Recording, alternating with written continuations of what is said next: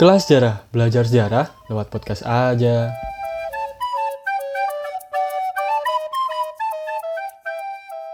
Halo semuanya, Assalamualaikum warahmatullahi wabarakatuh. Pada kesempatan kali ini, saya akan menjelaskan terkait dengan merkantilisme.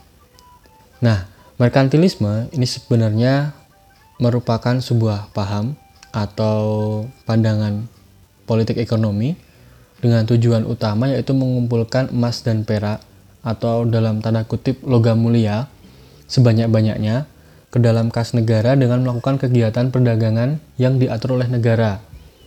Nah, sebenarnya tujuannya dari merkantilisme itu sendiri yaitu adalah mendapatkan neraca perdagangan yang aktif, yaitu nilai ekspor lebih besar daripada nilai impor. Pada bagian akhir pertengahan uh, abad pertengahan atau sering dikenal dengan Middle Age di Eropa muncul negara-negara nasional seperti Spanyol, Portugis, Prancis, dan juga Inggris. Pembentukan negara-negara nasional tersebut didasarkan pada kesamaan bahasa dan juga kebudayaan. Dalam negara-negara nasional tersebut, kekuasaan raja bukan hanya dalam bidang politik, melainkan juga di bidang ekonomi. Nah, hal ini sebenarnya bertujuan agar negaranya dapat berkembang menjadi negara besar dengan dukungan ekonomi yang kuat. Nah, keadaan inilah yang kemudian mendorong munculnya merkantilisme. Merkantilisme ini berkembang pesat di seluruh sekolah Eropa pada abad ke-16 sampai dengan abad ke-18. Ketika kesadaran bernegara sudah mulai tumbuh, latar belakang muncul dan berkembangnya merkantilisme itu ada beberapa hal. Yang pertama, munculnya negara-negara merdeka di Eropa, seperti Inggris, Prancis, Jerman, Italia, dan juga Belanda. Yang kedua, negara tersebut ingin mempertahankan kedaulatan, kebebasan, dan juga kesejahteraan rakyatnya. Yang ketiga, kondisi perekonomian yang kuat diperlukan agar tetap mampu bertahan. Yang keempat, ditetapkannya logam mulia sebagai standar ukuran kekayaan suatu negara. Yang kelima, dibukanya jaringan perdagangan, diadakan pelayaran serta eksplorasi ke wilayah-wilayah baru. Nah, memang sistem ekonomi merkantilisme ini pada akhirnya nanti akan juga mendorong praktik kolonialisme dan juga imperialisme di negara-negara.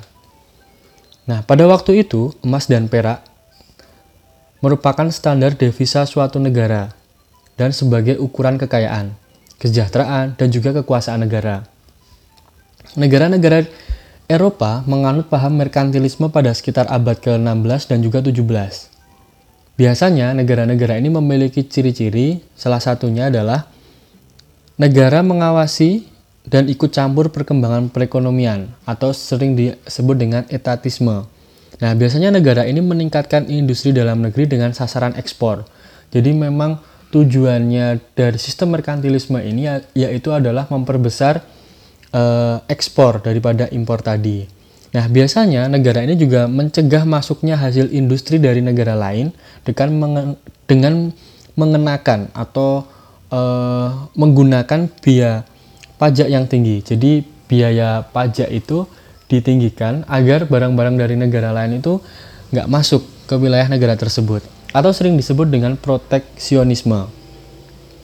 Nah, biasanya negara yang menganut sistem merkantilisme ini uh, memiliki ciri-ciri seperti hanya mengizinkan impor bahan mentah atau bahan baku di negara-negara produsen yang dikuasai secara tunggal atau sering disebut dengan monopoli perdagangan.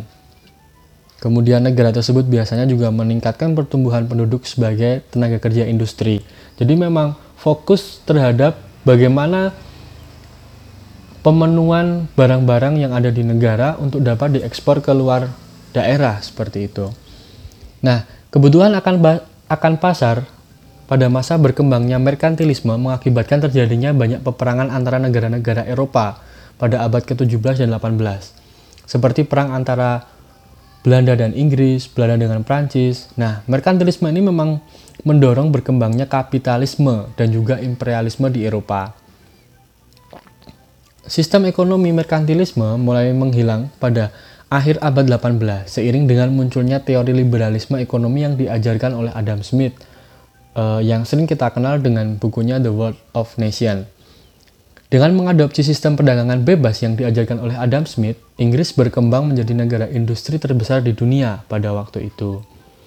Nah, adapun tokoh-tokoh merkantilisme itu ada beberapa tokoh, antara lain ada Thomas Moon, Jean Bodin, dan juga Jean Baptiste Colbert.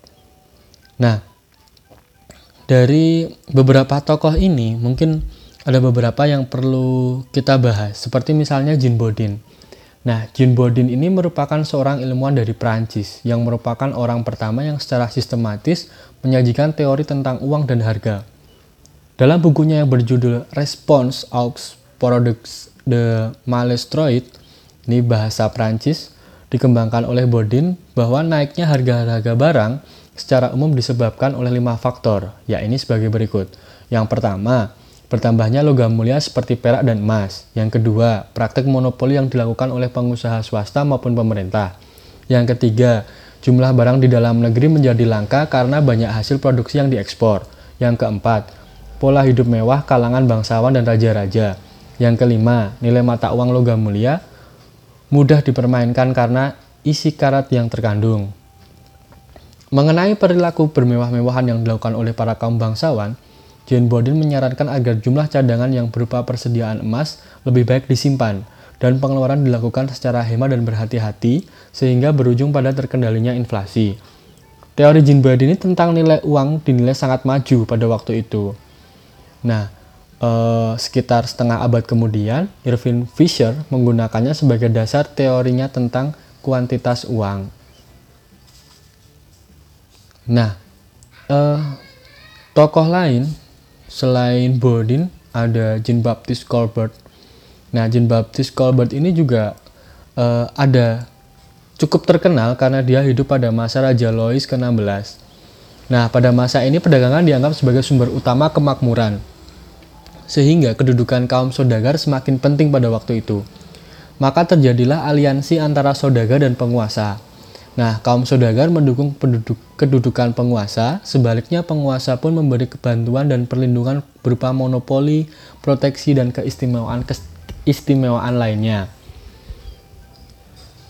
Pada waktu itu, Corbett menjamin hak monopoli kepada perusahaan-perusahaan untuk mendorong munculnya perusahaan-perusahaan baru, khususnya yang bergerak pada perdagangan antar negara. Nah, Colbert juga memberikan dukungan terhadap penemuan-penemuan baru dan pembangunan industri-industri percontohan. Ia juga mendorong perkembangan ilmu pengetahuan dengan mendirikan akademi-akademi, perpustakaan, dan memberikan subsidi ke sektor ekonomi. Nah, pada waktu itu ada beberapa negara-negara yang menganut paham merkantilisme ini. Seperti contohnya pada masa uh, Raja Louis di Prancis, kemudian uh, merkantilisme di Inggris, kemudian di Jerman, dan juga di Belanda. Nah, uh, pentingnya merkantilisme ini di Indonesia sebenarnya terletak pada politik kolonial pada negeri jajahan ini akan bergantung dengan apa yang terjadi di negara asalnya. Jadi ketika kemudian Belanda ini ter, baru saja terlepas dari penjajahan Prancis, nah Belanda ini tidak memiliki industri dan modal. Sampai dengan paruh abad tengah 19, negeri Belanda dapat dikatakan masih bersifat agraris dan digolongkan sebagai negeri kapitalis muda. Nah, untuk melindungi perdagangannya yang masih sangat kecil, Belanda menerapkan politik ekonomi merkantilisme yang meliputi biaya cukai yang sangat tinggi bagi komoditi asing, kemudian proteksi terhadap barang-barang industri industrinya, pajak-pajak yang berbeda di tanah jajahannya dan memonopoli pemerintahan di dalam perdagangan pemerintahan perdagangan barang-barang kolonial. Nah, Semangat merkantilisme Belanda ini berpengaruh terhadap politik kolonial Belanda di Indonesia. Tanah jajahannya harus dapat mengisi kas negara yang kosong dan dianggap sebagai penghasil barang-barang ekspor yang dibutuhkan untuk perdagangannya. Baru pada abad ke-19, politik penjajahan ini diganti dengan politik kesejahteraan karena kepentingan-kepentingan perdagangan ini menciptakan pasar sehingga tanah jajahan harus memiliki daya beli yang cukup besar. Nah, sebenarnya merkantilisme yang kemudian berkembang di Belanda itu sangat berpengaruh dengan apa yang ada di Indonesia. Nah, kalau di sejarah peminatan kita belajar tentang merkantilisme, sebenarnya fase-fase bagaimana perubahan ekonomi yang ada di Indonesia atau Hindia Belanda pada waktu itu dapat terlihat jelas kalau kita belajar sejarah Indonesia, terkhusus bab terkait dengan uh, kolonialisme dan imperialisme bangsa Barat di Nusantara pada waktu itu. Nah, sistem merkantilisme ini nanti akan sangat berpengaruh banyak terhadap sistem-sistem yang kemudian berlaku di, di Hindia, di Indonesia pada waktu itu.